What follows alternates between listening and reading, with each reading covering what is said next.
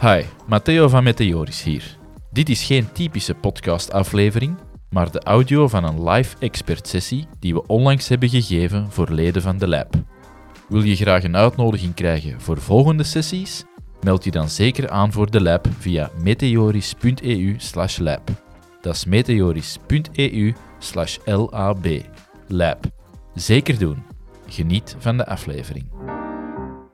Oké, we zullen alvast met een intro beginnen. Uh, in afwachting van. Uh, en als de mensen later inpikken, is dat uiteraard geen probleem. Ik heb hier vandaag Mark van Aalst mee, uh, voor zij die hier vandaag aanwezig zijn. Mark heeft eigenlijk verschillende pitches op. Hè? ook bij ons, Inderdaad. verschillende pitches op. ik zal u, Mark, ik zal u kort introduceren, maar ik denk dat jij Speed best even weer inpikt. Um, ik, uh, Mark is eigenlijk op verschillende vlakken uh, onze special guest vandaag, maar is vooral op verschillende vlakken bij ons betrokken. Uh, Mark is deel van onze adviesraad, onze board of advisors, um, dus heel dankbaar daarvoor. Maar is ook heel veel betrokken in strategische trajecten rond positionering voor merken die wij vandaag begeleiden. En het was voor ons daarom uiteraard een logische om begin 24 daar... Um, wat handvaten rond te delen in ons, in ons netwerk. En vandaar dat we samen met Mark vandaag op heel, uh, heel concrete, vijf heel concrete vragen gaan inzoomen om je merk te challengen, om te zien of dat je nog als merk relevant bent, maar vooral dat je positionering in zijn totaliteit uh, nog klopt. Nu, ik heb je al gezegd, Mark is vandaag uh, deel van ons adviesraad en uh, doet samen met ons ook strategische trajecten bij klanten. Maar Mark heeft nog natuurlijk uh, andere activiteiten ook nog in een verleden. Maar daar laat ik je heel graag aan Mark om dat misschien even kort, kort toe te lichten. Voordat we erin, ja, even heel kort. Even heel, heel kort. kort. Voordat we erin duiken.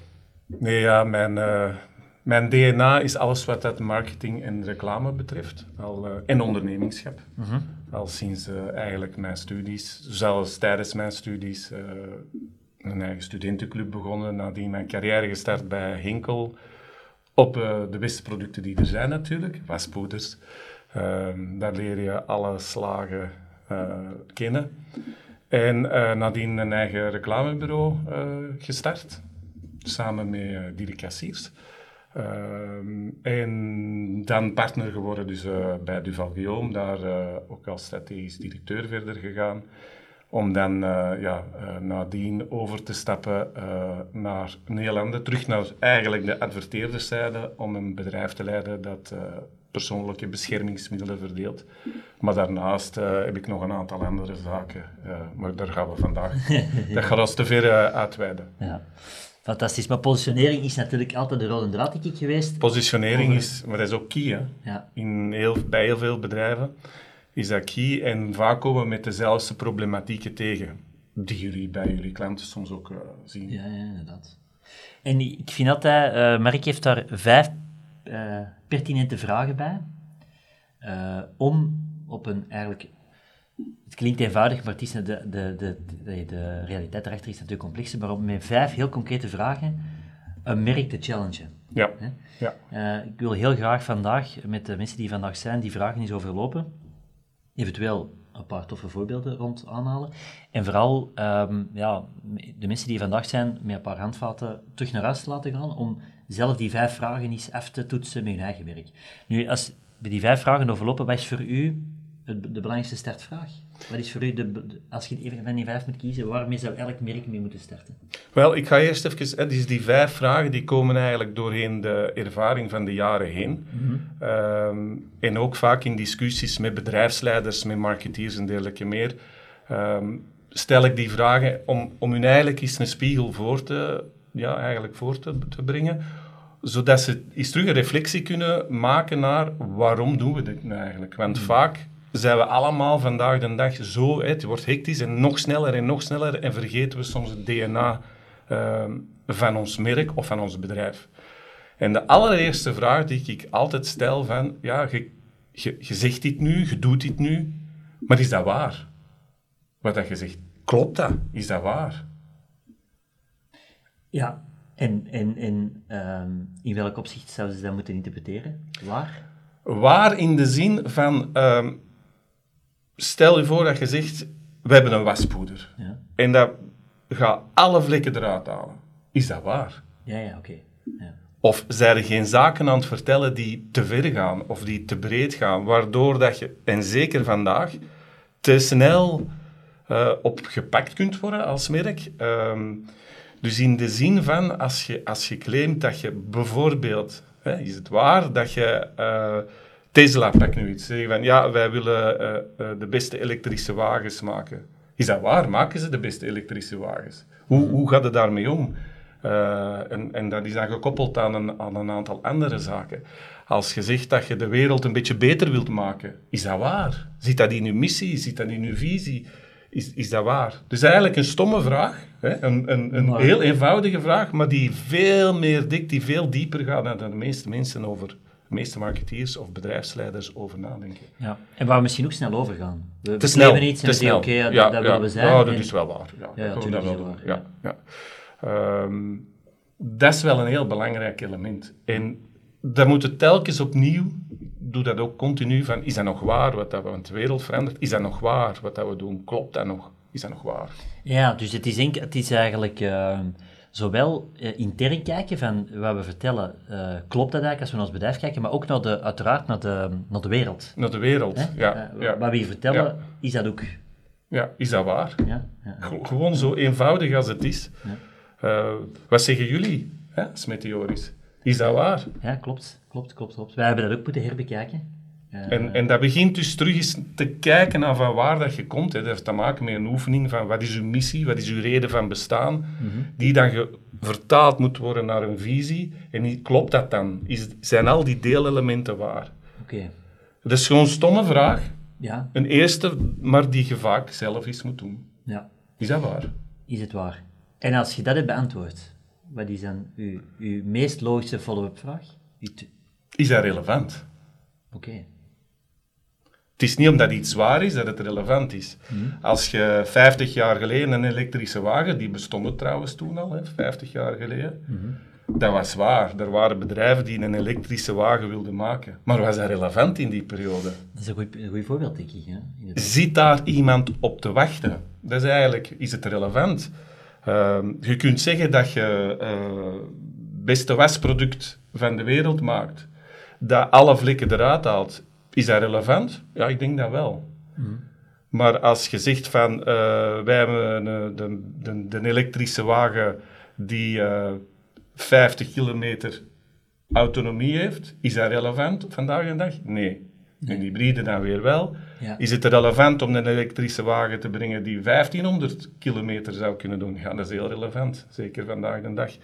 Dus je ziet die, die, die, die relevantie, die moeten ook telkens aftoetsen. Hè. Eén, is het waar wat we zeggen? Is het relevant op dit ogenblik? Maar stelt dat ook in vraag. Ja, ja, effectief. Um, als je dat niet doet, dan kun je voorbijgelopen worden. Hè. Kijk naar hoe dat Apple de muziekindustrie uh, met de cd's of, of, of, uh, of, of ja, de, de, zelfs de dvd's, alles op zijn hoofd heeft gezet met een stom toestel op de markt te brengen. Hoe dat zij erin geslaagd zijn, samen dan met Samsung, om een, om een wereldleider als Nokia gewoon kapot te krijgen, omdat Nokia de relevantie niet inzag van een, van een, een mobiele telefoon op die moment. Maar nu is dat eigenlijk een device geworden waar je alles mee doet. Ja. Dat is disruptief. Dus als je je relevantie niet telkens in vraag stelt en mee laat evolueren met je markt, ja, dan kun je voorbijgestoken worden. Mm. Dat is een, denk ik een heel relevant voorbeeld. Want Nokia bestaan die eigenlijk? Die bestaan nog, ja, ja, nog die bestaan, smartphones? ja, ja, die hebben nog, ja, maar ze brengen nu Zou trouwens hun, iconische toestellen terug op de markt. Omdat je vandaag de dag krijgt een Tegenkanting. tegenkanting Ah, van mensen die zeggen, ik wil gewoon een telefoon.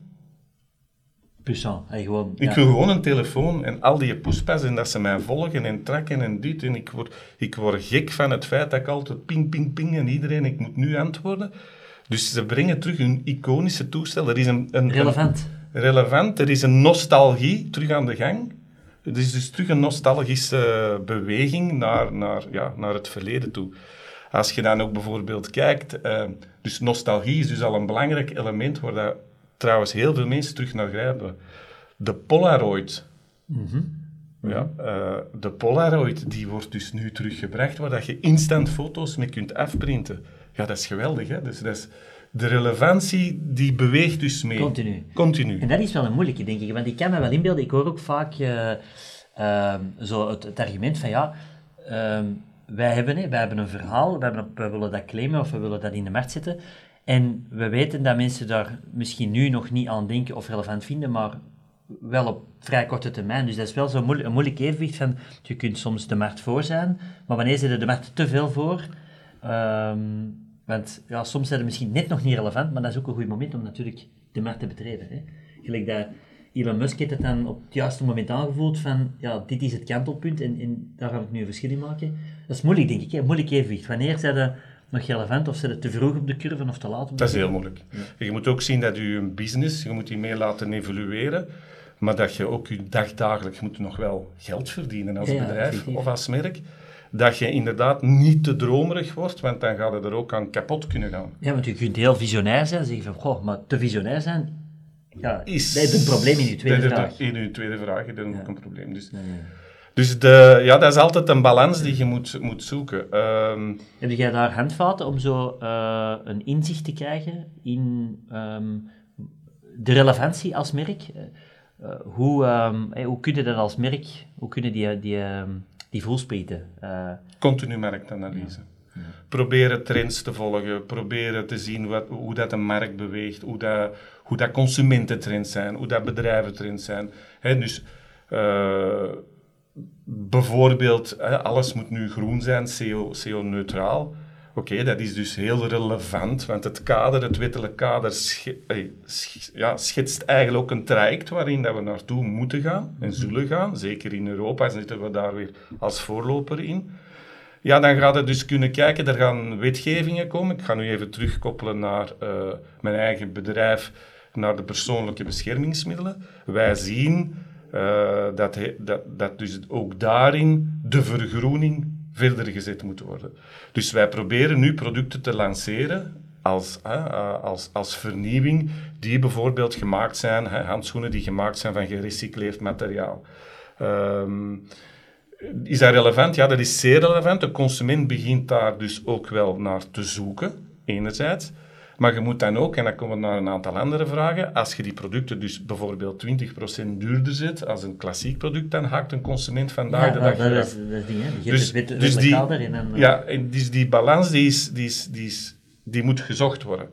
Um, nu, onze klanten vragen dat ook meer en meer. Hè. Brico, Hubo, die, die vragen letterlijk van, geef ons uh, bewijzen, geef ons tools, zodat we elk jaar intern moeten zij bijvoorbeeld intern elk jaar vergroenen in heel hun trajecten. Mhm. In hun logistiek traject, uh, maar ook in hun producttraject, de logistieke processen.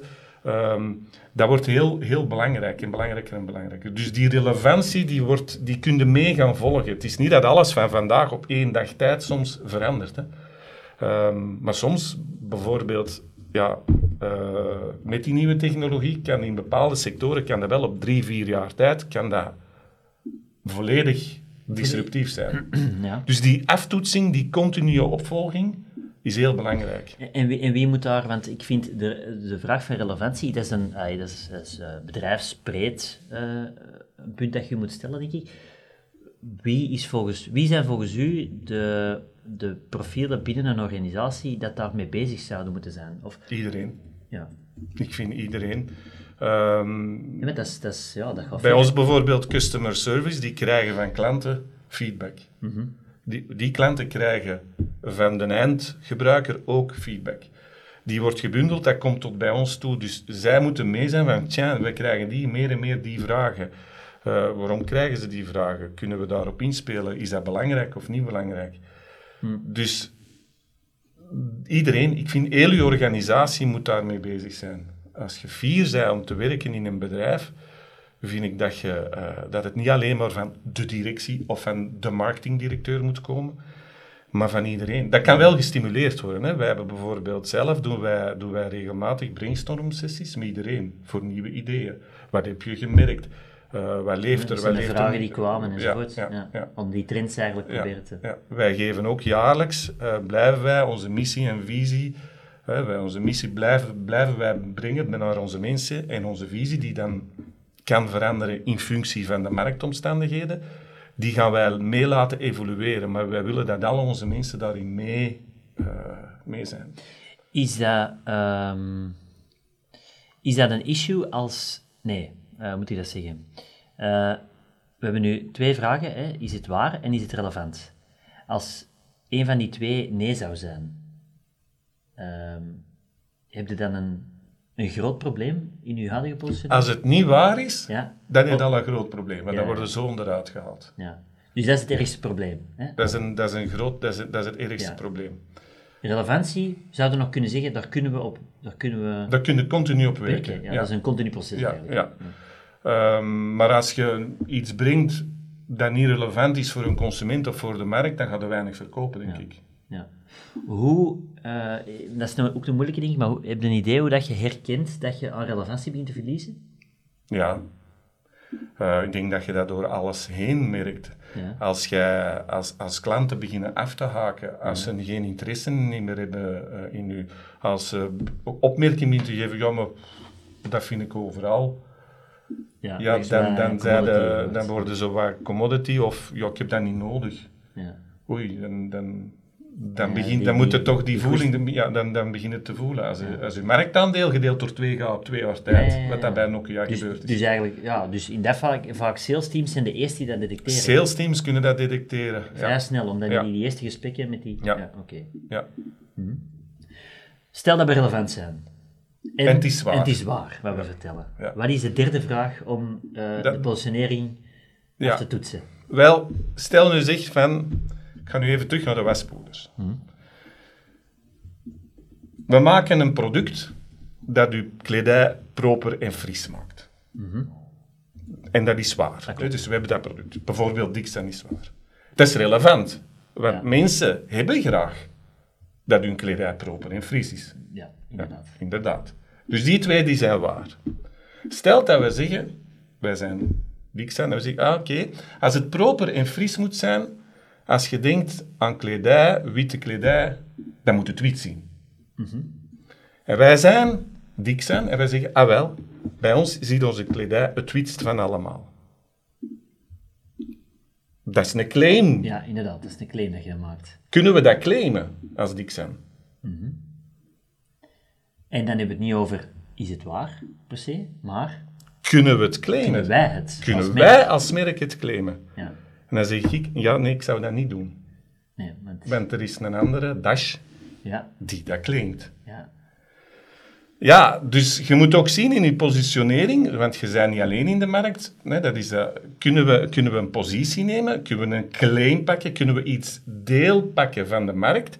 Waarin dat dus onze waarheid en onze relevantie, dat we die ons kunnen eigen maken. Mm dus die claim, moet, dat, is, dat is niet alleen met u te maken, die claim heeft ook te maken met hoe ziet de markt in elkaar? Zijn er andere spelers? Uh, wat zeggen die? Dat is een interessante wel, vind ik. Want uiteindelijk, uh, als merk, hè, stel met je concurrenten, je vaak uh, dezelfde, ehm, of vaak gelijkaardige problemen oplossen. Eigenlijk die westpoeders, die iedereen gaat die kledij proper willen hebben. Uh, kunnen misschien sowieso een voorbeeldje geven van zo twee verschillende claims, van twee verschillende merken die dan toch op een andere manier een claim naar zich trekken? Ja, dus eh, eh, als je dus terug naar de waspoeders kijkt, dan uh, iedereen wil graag propere en frisse ja. kledij. Dat is, Heel duidelijk. Dat is het vertrekpunt, ja. Dat is het vertrekpunt. Dus dat zegt, ah, kledij, wij weten vanuit consumenteninzicht en weten wij dat iemand witte kledij pas proper en schoon vindt, als ik terug echt wit zie. Ja, inderdaad. Ja, en uh, hoe doen zij dat, Dash? Dus enerzijds met enzymen en met, met hun bleekmiddel, et cetera, meer. Maar zij brengen dus bijvoorbeeld optisch witmiddel in hun waspoeder, waardoor dat er terug een wit laagje op komt, waardoor dat dus die witte kledij terug witter ziet. Dus dat is ook waar. Ja, ja het, is, het klopt volledig. Ja, en dat past dus in, in de relevantie van, van uw merk. Wat doet Dixan? Dixan zegt, wij zijn de vlekkenkampioen. Dus kledij is pas proper als de vlekken eruit zijn. Ah ja. Dat is, een, dat is dezelfde oplossing. Eigenlijk Allee, dezelfde consumentenbehoefte wordt, wordt, wordt beantwoord, maar zij doen dat op een andere manier.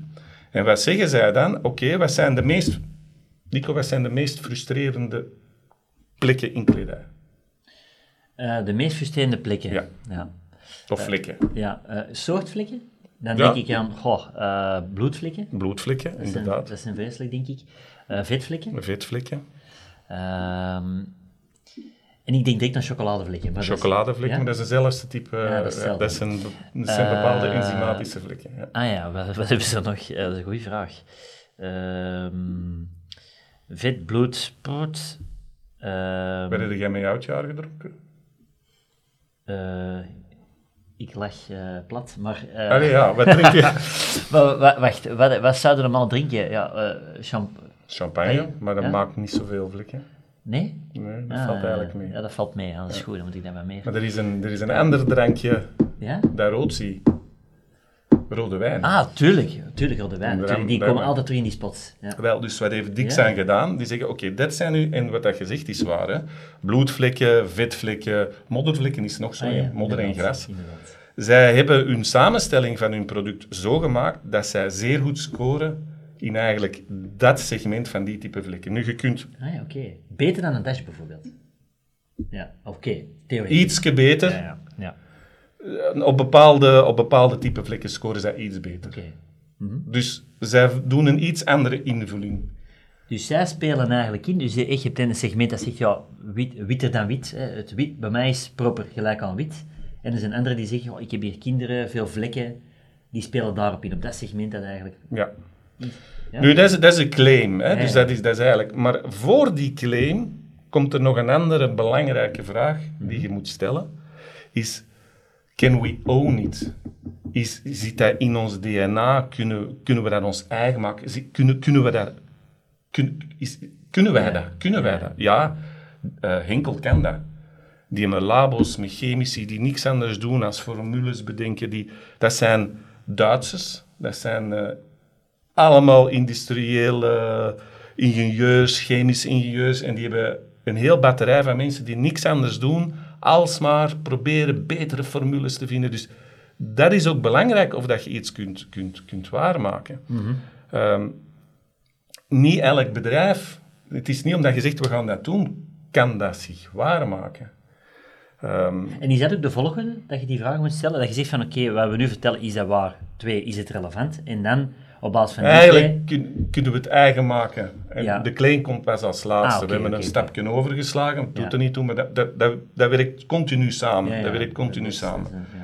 Maar zit het in ons DNA om iets te doen? Als morgen Henkel zegt, we gaan ineens gsm's maken. Ja, dat, kun- zou dat, heel dat raar zijn. zou heel raar zijn. Of mobiele telefonie, dat zou heel raar zijn. Dus, dus de, het, het, het, het, het, het gegeven van can we own it, kunnen we het... Ziet dat eigenlijk in ons DNA als bedrijf, koppelt weer terug aan missie en visie. Eigenlijk aan missie. Wat is de reden van bestaan? Als Apple morgen met, met iets nieuw technologisch komt dat de wereld weer op zijn kop gaat zitten, dan zeg je, ja, ja natuurlijk zij, ja, dat kunnen zij. Ik heb hier een interessante vraag eh, van Arnaud binnengekregen. Van welke vraag dien je nu te stellen met betrekking tot de claim? Ehm met andere woorden, eh, ik dat hij wil zeggen van... ehm, hoe kunnen we eh, inschatten welke claim voor ons zou zijn, of dat hem correct is. Maar daar hebben we het eigenlijk over gehad. Hè? Dat, dat is deels wat je zegt van ehm, eerst naar die eerste twee parameters kijken, zien of dat we dat als eigen kunnen maken en dan zoeken, door ik denk ook door middel van een marktonderzoek, van wat zijn de, de, de, de, de problemen die mensen willen opgelost zien en op basis daarvan een claim gaan vinden die, die, die relevant is. Hè? Ja, die relevant is, die je positie afdekt, hè, Ja. dus die alles kan en die dus ook onderscheidend is ten opzichte van uw, van uw markt. Ehm, dat is een hele belangrijke. daarin. Moet het een enige zijn in de claim? Nee, Want het is heel moeilijk, denk het is heel moeilijk allee, als je zegt van eh, er is al iemand die een zo'n sterke positie heeft met een bepaalde claim, lijkt het mij bijna onmogelijk om, eh, ja, om iemand van de troon te stoten daar. Dat moet al heel straf uit de hoek komen. Hè? ja, en dat heeft dan te maken met de vijfde vraag. Can we make it happen? Kunnen we het waarmaken? En waarmaken heeft, heeft te maken veelal met eh, geld. investeringscapaciteit. Uh, om in dat hoofd te kruipen, maar ook om die ontwikkeling te doen. Ja, dus het heeft te maken met hoe, hoe, hoe gaat ermee om? Er iets onderscheidend, hè, dus dat heeft maar... Het is niet omdat je zegt van, wij hebben nu het product gevonden, wij hebben het wasproduct gevonden, wij gaan nu zeggen, we gaan witter dan wit zijn. Mhm. Maar als daar een multinational op zit, die daar miljoenen euro's tegenaan zet, dan denk ik dat het beter is dat je daar niet op diezelfde positionering gaat zitten. En dan komt dus het belang van je positionering, al die puzzelstukken moeten in elkaar vallen. Maar als jij iets hebt dat onderscheidend is, heb je veel minder budget nodig om iets waar te maken ehm, dan iemand die zegt van, ja, als, als, je nu morgen een wasproduct brengt en je zegt van, wij zijn uh, witter dan wit. En je gaat erop zitten en zeg je good luck, want dat gaat, dat gaat nooit lukken. Dat gaat nooit lukken. Nee. Dus dat is heel moeilijk, hè? maar dus, die laatste vraag is ook, dat heeft dikwijls met budget te maken en slim om te gaan met budgetten. Ehm, om een idee te geven, ehm, toen wij het reclamebureau waren voor uh, Dixon, Henkel, uh, had Procter met Dagen Ariel ongeveer vijf tot zes keer zoveel marketingbudget. Dus uw, claim die Dixon had, ja, ze, ze, ze, ze, vochten daartegen, maar als iemand harder roept als u, wordt die vaak uh, sneller gehoord. Of die boodschap komt, komt vaker naar binnen. Dan moet je slim omgaan met je budget en zien van, oké, kunnen we iets vinden waardoor dat we onze boodschap wel kunnen brengen, die gemakkelijker opvangt, met de middelen die we hebben. En de middelen is dus een deel budget, maar is ook een deel kennis, know-how, etc. Bijvoorbeeld uh, zijn wij van, van start gegaan met, uh, toen was dat heel, heel modern, hè, CRM, nu is dat, is dat common, maar ik praat hier over de voor, oh, ik word ondertussen al oud, hè. toen was uh, CRM en direct marketing, was direct mailings. Dus zij hebben de Dixan Voordeelclub, heette dat, de Dixan Wasclub, gestart waar dan mensen tips en tricks konden vragen over vlekken uit hun kledij te krijgen. En wij gingen een interactie aan met de consument. Door dat te doen, zijn wij daarmee dus een budget dat veel lager was, erin geslaagd om 30% marktaandeel te groeien ten opzichte van onze concurrent. Ja, dat lijkt... Hè, dus Dixon had toen een marktaandeel van ongeveer 11, 12% in België. Dat is gestegen naar 15, 16%. Ja, maar dat is gigantisch met een budget dat vele malen lager is. Maar dat kwam omdat al die puzzelstukken goed in elkaar pasten. Ja. Hun claim klopte, ze konden het waarmaken, ze brachten producten uit die telkens op bepaalde vlekken beter en beter scoorden. Dus dat, was, dat, dat, dat werd ook gevoed. En wat deed um, Dixon dan in positionering, maar dan ook in de communicatie met de middelen die ze hadden, zeiden we niet van, we gaan dat gewoon op tv blijven claimen, maar we gaan een interactie aangaan met de consument. En we gaan hun tips geven om nog meer vlekken uit hun kledij te krijgen. Dus een beetje de gouden raad van Tante Kaat ja, ja. werd mee in gebracht. En daardoor werd die... Dus die relevantie was belangrijk. Um, het was ook waar, de vlekkenkampioen. Ze waren heel eerlijk, hè, want niet elk, elke vlek rijden met een, een globaal wasmiddel dat goed moet zijn op alle, op alle, allez, op alle type soorten vlekken, krijgt dat eruit van in de eerste keer. Zo hebben zij gezegd van, wij weten dat. Maar als je nu die trucje erbij doet, hè, dan gaat je vlekken nog beter. Dus los van de chemie, ja, ja, los van de chemie, is daar nog een couche bij. Dat was de communicatie die hun positionering en hun claim eigenlijk nog versterkte. En dat was allemaal omdat dat in hun DNA zat. Terwijl bij Procter Gamble gaan ze nogal... Dat is een, dat is, dat is, dat is een ander type cultuur. Hè? Mm -hmm. De ene is meer Anglo-Saxisch en de andere is meer ja? Dus die willen graag in oplossingen denken. Dus dat was voor hun een, een type oplossing. Dus zo zijn ze erin geslaagd om met minder budget, maar door de, al die puzzelstukken in elkaar, in elkaar te passen. Waar loopt het meeste fout? Als we nu die vijf vragen, als je over heel je uh, ervaring kijkt, van die vijf, waar zit het meestal het ergste fout? Want natuurlijk, er zijn bepaalde dingen uh, waar je van zegt, oké, bijvoorbeeld een Can We Make It Happen, er zullen misschien um, bepaalde aspecten zijn die nog voorkomen dat je het waar kunt maken, maar dat kun je werken. Maar ik kan me wel inbeelden dat bij bepaalde vragen het meest, het, het grofste fout ziet, wat dat dus maakt dat je, je positionering dat steeds onder leidt. Ik denk voornamelijk dat uw positionering en uw claim ja. dat daar niet genoeg over nagedacht wordt. Mhm. Je moet, al die andere vragen moeten juist beantwoord worden. Dan moeten dus oefeningen doen van klopt dat nog, eh, zeggen we eigenlijk nog wie dat we zijn, klopt dat nog, is dat relevant? Dus Die claim is, die, die, die claim wordt te snel beslist. beslist. Ja, dat kan En er wordt te weinig nagedacht over alle andere vragen. Dus die vragen die er zijn, is eigenlijk om over uw merk en uw bedrijf na te denken op continue basis. Dus de combinatie van die, type, die vijf vragen die, die, er, die er telkens gesteld worden, ja, dat is ook door de jaren ervaring heen, gaat eigenlijk heel diep. Wat is uw reden van bestaan? Mhm. Eh, waarom doe je iets? Echt naar de fundamenten terug terug naar de fundamenten. En dan pas een claim. Niet telkens... Dat is eigenlijk als, u, als je revisie van je auto moet doen, dat je niet één dingetje eh, verandert, maar dat je eerst een volledige check-up laat doen en zeggen van ja, dat en dat en dat, want het heeft telkens op elkaar te, toch een invloed op elkaar. Mhm. En dus die positionering, er wordt, of die claim, er wordt soms nogal gemakkelijk over gegaan. Van, ja, ja, ja, ja, waarom zeg je dat? Ja, ja, alle jaren.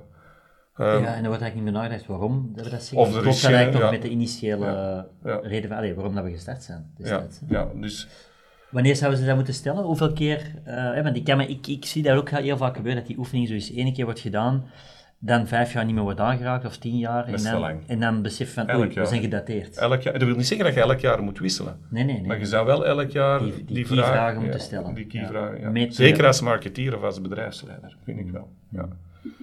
Dat vind ik eh, heel belangrijk. Een heel mooi voorbeeld dat er vandaag de dag gebeurt in een heel andere sector, is het bedrijf Euronav. Ah, Ik weet ja. niet of dat je. Euronav kent. Dat is van de familie Saverijs. Ehm Euronav is van oorsprong en nog altijd is, een, eh, is eigenlijk eh, in de scheepvaart. Zij vervoeren ruwe olie. Grosso modo is het ruwe olie. Nee, Maar zij weten dat zij binnen dit en x aantal jaren, het zal nog wel even duren, maar zij, zij zijn ermee gevrongen om twee redenen, of om allee, verschillende redenen. Enerzijds zijn zij gevrongen omwille van het feit dat dat niet toekomstgericht is.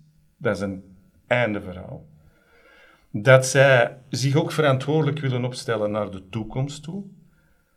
Ze willen ook geld verdienen. En dat zij zeggen, ja, maar wij willen eigenlijk een vergroening in de scheepvaart gaan doen. Dus wij moeten ons businessmodel gaan, gaan aanpassen. Dat wil niet zeggen dat ze morgen gaan stoppen. Maar er is dus eh, stoppen met die ruwe olie. Maar er is dus een gevecht geweest met, met iemand waar ze normaal mee gingen fusioneren, tot zelfs in de raad van bestuur. Er is een mopbod geweest in aandelen te kopen. Maar zij zeggen, nee, wij willen eigenlijk ons bedrijf toekomstgericht maken. Dus je ziet dat dat, en dat gaat soms heel ver, hè, want dat is een beursgenoteerd bedrijf, Ja, maar dat is kunt echt een, inderdaad- ge- een gevecht is geweest tussen aandeelhouders. Hè. Tot zelfs in de raad van bestuur, die dan aandeelhouder A steunde en niet aandeelhouder B. Dus ja, dat, dat kan soms vrij... Ja, want dat is een eigenlijk dat is letterlijk een positioneringstopic. hè? Eh, Ja, dat gaat Want veel je- verder. Dat is een reden van bestaan zelfs. Ja, dat is Ja. nog, nog ik zie, ja. Ja. Dat is eh, hoe dat zij binnen de scheepvaart hun visie naar de toekomst willen veranderen. Omdat zij zich enerzijds, ja, ze, willen, ze, ze, ze zien dat dit sowieso ooit stopt. Dus als zij pionier zijn en ze kunnen het geld dat ze verdienen nu gebruiken om op het ander te gaan inzetten, ja, kunnen zij, ik weet nu, hè, ik ken hun DNA, hun missie en hun visie niet goed, want ik ken ze daarvoor te weinig. Maar ze zijn wel daarmee bezig. Dus, dus ja, ik vind, vind, vind, dat, ik vind dat knap dat bedrijven zichzelf zo hard in vraag Ja, durven in, de, stellen. in de relevantie. Ik had daar onlangs, maar ik weet niet meer de details, maar ik vond dat wel een... eh, ook een gelijkaardig een heel interessant voorbeeld. Dat was van, van Sabena. Ik denk dat dat een case was waarom dat Sabena... Sabena wou op een gegeven moment eh, in, in, in eh, Noord-Amerika meer eh, vluchten gaan organiseren. En zij waren... en Dat ging over relevantie. Ik moest direct aan uw vragen denken. Ehm, zij waren in de US eh, campagnes aan het voeren rond heel het serviceaanbod, dat, ehm, dat zij een heel sterk serviceaanbod hadden onboard, om de vlucht. En alle toeters en bellen die er, eh, die, er, die, er, die er aanwezig waren. Maar eigenlijk, wat bleek nu na een paar jaar? Dat eigenlijk, dus die, die, die campagnes sloegen niet aan. ehm, en ze hadden er een marktonderzoek op gedaan. En eigenlijk, eh, ze waren inderdaad totaal de verkeerde dingen aan het vertellen. Dat was totaal niet relevant, omdat eigenlijk de interne vliegmaatschappijen dezelfde claims hadden, dezelfde verhalen vertelden. En eigenlijk het, grootste, het grote probleem bleek dan te zijn dat Sabena vooral op Brussel vloog en eigenlijk België en Brussel totaal niet relevant was, interessant was voor een Amerikaan die meer was aangetrokken door bijvoorbeeld Parijs, Amsterdam en al die andere grootsteden. En dat was een, vond ik een fantastisch voorbeeld van hoe dat je eigenlijk het totaal verkeerde verhaal aan het vertellen bent. Ehm waar dat ze dan achteraf blijkbaar in hun campagnes in, in de US veel meer de aantrekkelijkheid van Brussel en België op de kaart aan het zetten waren, wat dan de aantrekkingskracht was om op Sabena te gaan vliegen. Maar dat was een fantastisch voorbeeld eigenlijk. Maar zo heb je continu van die voor... Dat ja, is, dat is Dat is, dat is eigenlijk een, een, een continu proces. En vandaar dat bedrijven mee moeten gaan en mee moeten evolueren met de markt, met de vraag. En, en, en hun, ook eens afvragen, waarom koopt iemand mijn dienst of mijn product? ja, ja. En dat ik mee in gesprek blijven gaan. En daar in gesprek mee blijven gaan. Maar het is ook zo dat ze het ontdekt hebben. Door gewoon ja, Ja. De, de markt te bevragen, wat je in het begin eigenlijk zei. Ja. Ehm, als, je dat, als bedrijven dat zou, die, die voeling meer en meer terug zouden doen, je zou heel veel van die, en die vragen telkens stellen, je zou veel vooruit zijn. Ehm, toen ik mijn carrière begon, om daar een praktisch een heel mooi voorbeeld aan te geven, als junior brand manager, hè, ehm, kwam ik toen, moest, dat nog, moest nog in das en kostuum naar het werk komen. Moest- ja, ja, dat is het jaar eh, 95. Auw. 1995, oud, ja. Ehm, en eh, ik moest toen, eh, ik had dus een selectieprocedure en ik kwam bij mijn eh, marketingdirecteur, Harm-Jan van Pelt. Is later vice-president Sarah Lee en zo geworden. Dus een heel intelligent Nederlander, heel intelligente man. En ik kom binnen en ik zit in het bureau en die roept, zich binnen, bij hem, roept mij binnen bij hem op kantoor en zegt, nou, morgen doe je jeans aan, met spijkerbroek aan. Dan ga je met die vertegenwoordiger mee. En overmorgen ook. En een dag nadien ook. En dan maakt een verslag van wat dat je gezien hebt in alle supermarkten. Observatie. Observatie. En zie hoe waarom dan een consument, als een consument dash pakt, ga eens vragen waarom dat een dash pakt en geen een Dixon of Pers. Fantastisch, hè? En hij gezegd, en ik wil dat je elke maand, één dag per maand, moet jij met een vertegenwoordiger mee. Ombeurt. Om voeling te En ik wil elke maand een verslag. En dat deed hem bij elke brandmanager, junior of moest dat doen om die voeling te houden. En dat is iets dat ik in mijn hoofd heb gestoken en ik doe dat nog altijd. Ik, ik, eh, mijn vrouw vindt dat een verschrikking als ik meer naar de supermarkt ga. Dat kan ik mij inbeelden. Want een nieuw product, dat boeit mij. Als ik De merk is weg. de merk is weg. En als er een merk... eh, ik, zelfs nog altijd met Dixon, als iemand dan denkt van, verdorie, waarom pakt hij nu tasje en geen Dixon? Dus die voeling, dat, dat, dat vind ik... Dat is ook heel boeiend. Ik vind een marketeer moet dat doen. Ah, wel, ja. Dat is, ik zeg dat ook altijd, dat is echt mijn... Als ik over de afgelopen 15 jaar zie, dat is echt het ding dat ik, dat ik meeneem en dat ik tegen iedereen vertel. Ja. Als Als je gestart, begint gewoon met die klanten te babbelen en probeert echt gewoon en te begrijpen waarom dat iemand koopt en vooral waarom dat u, niemand u niet koopt. niet koopt. Ja, inderdaad. En, en hoe kun je daarmee omgaan? Hoe ga je dat oplossen? Hoe ga je daar die relevantie terugkrijgen? Dus, en dat zijn altijd die vijf vragen. En dat begint met die basis. Ja. En dat is misschien ook de sleutel tot een, eh, een positionering die altijd scherp blijft. Door gewoon dat Ja. te doen, te blijven doen, consistent. En jezelf continu toch, allee, niet elke dag, maar continu in vraag stellen. Dat is toch wel heel belangrijk om dat te doen. Omdat je, als je dat blijft doen, blijft alert. Blijft alert voor de veranderingen. Eh, je blijft alert voor de markt, je blijft alert voor je, voor je consument, je blijft alert voor je concurrentie. Hmm. Want die zitten ook niet stil. Of misschien zitten ze stil en dan kun je voorsprong gaan nemen. Ik denk dat dat trouwens ook een van de redenen is waarom dat je jullie zelf jullie terug in vraag hebben 100%. gesteld. Want jullie waren niet slecht bezig. Nee. Je groeide elk jaar en toch nog eens her, her- ja, herbekijken. Waarom zijn we, nog, zijn we nog relevant? Gaan we morgen nog relevant zijn? Klopt. Dat. Is dat nog een claim die we kunnen doen? Kunnen we dat ons zwaar maken? Wat kunnen we, wat kunnen we niet? En dat is iets dat vind ik eh, heel vaak moet gebeuren.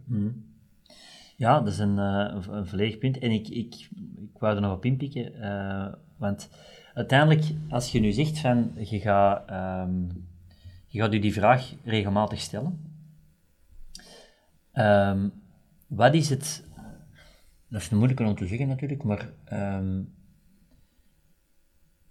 is, dat, is dat voor u, als je dat als merk niet zou doen. Hè? Stel dat je die, die, die, die, die, vragen niet zou stellen.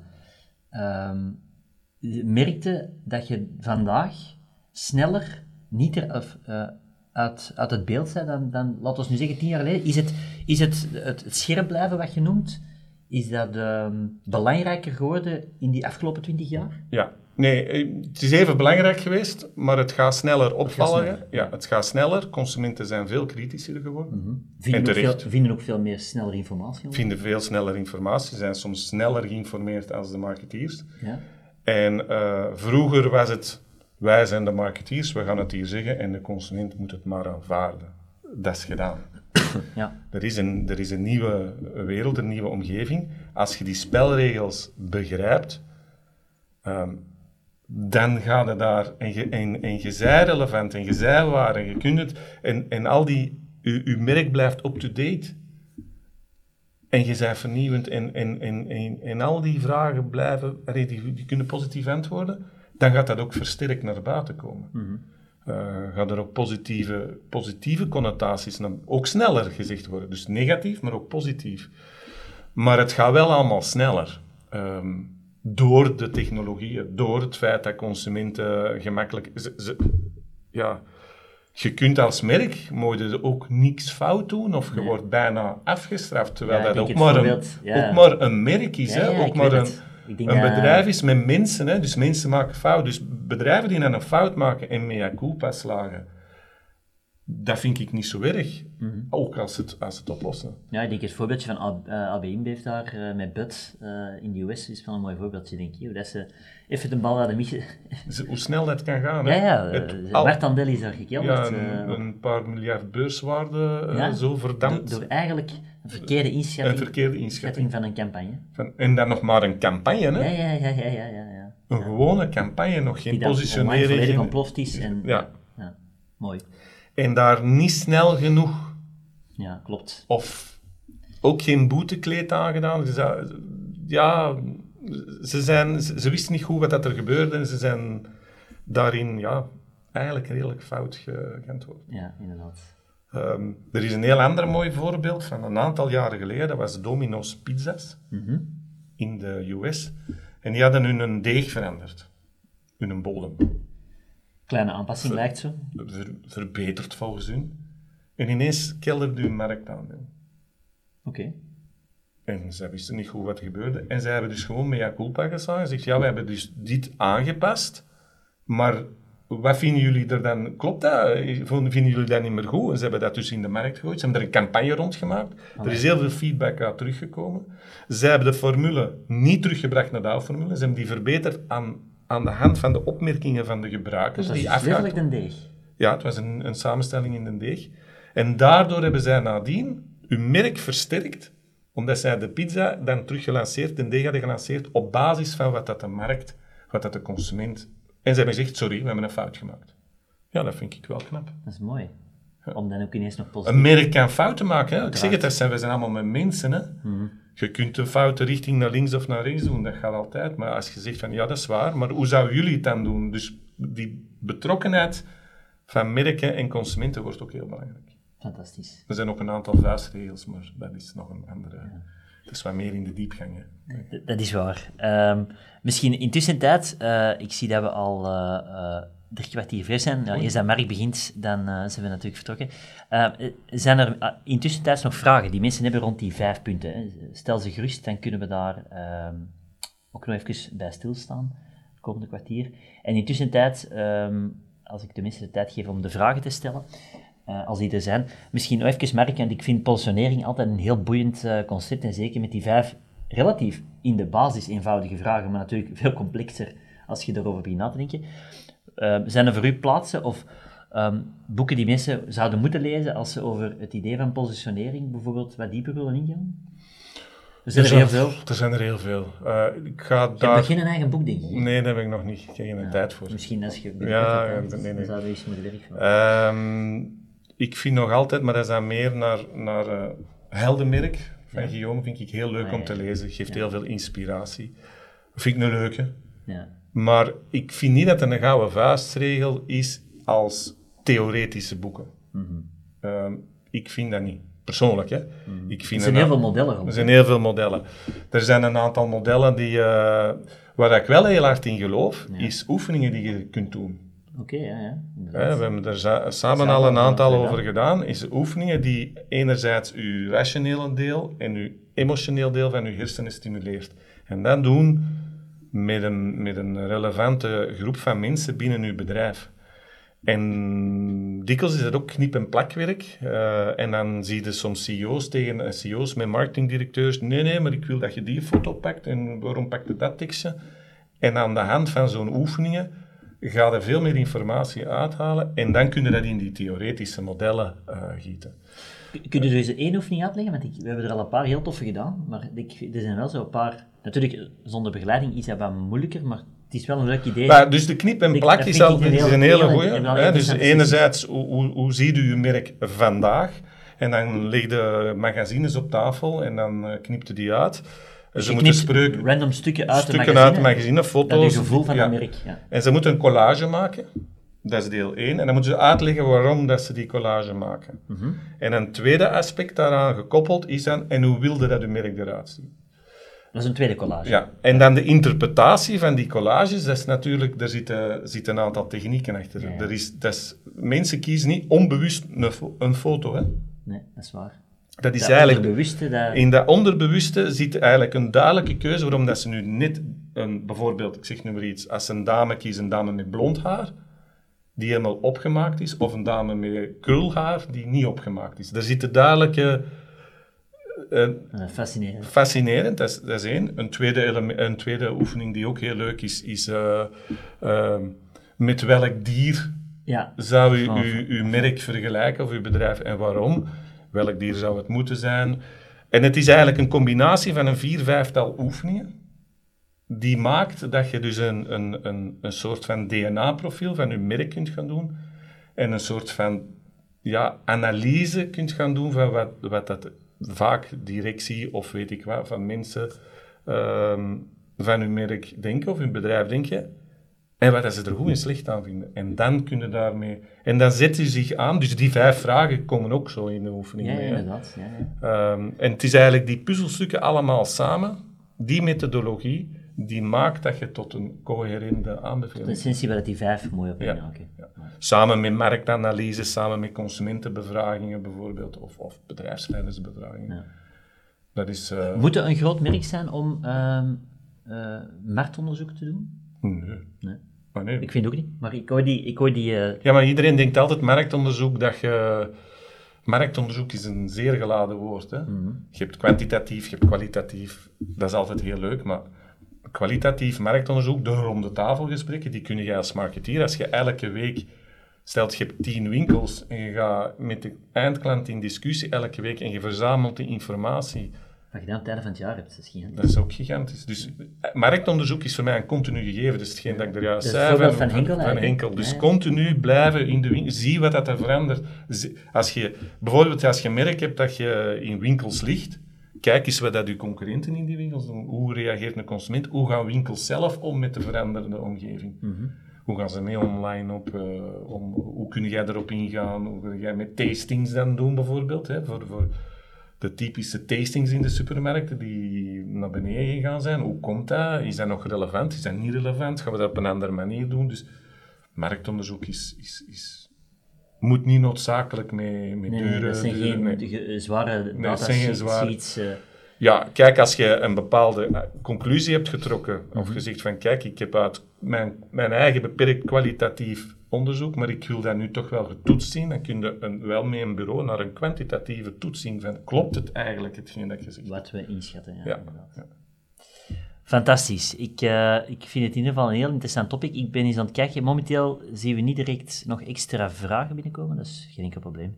Ehm, maar eh, dan denk ik dat we de meeste dingen wel vandaag besproken hebben.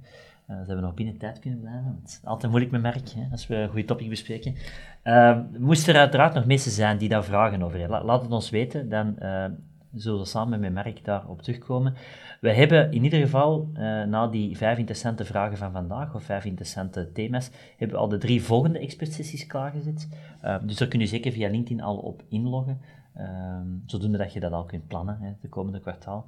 Ehm, en als er geen verdere vragen zijn, denk ik, dan eh, kunnen we iedereen zijn middagpauze laten afronden en waar we blij dat iedereen vandaag mee kon inloggen om die vijf vragen rond die positionering eens door te praten met ons samen. Graag gedaan. Merci Mark, misschien nog eens voor uh, uw inzicht en uw concrete voorbeelden. En uh, dan zien we jullie heel graag terug tijdens onze volgende expertsessie, die begin volgende maand terug plaatsvindt. Of uiteraard onze Revenue Lab afleveringen. Alvast tot dan en tot snel.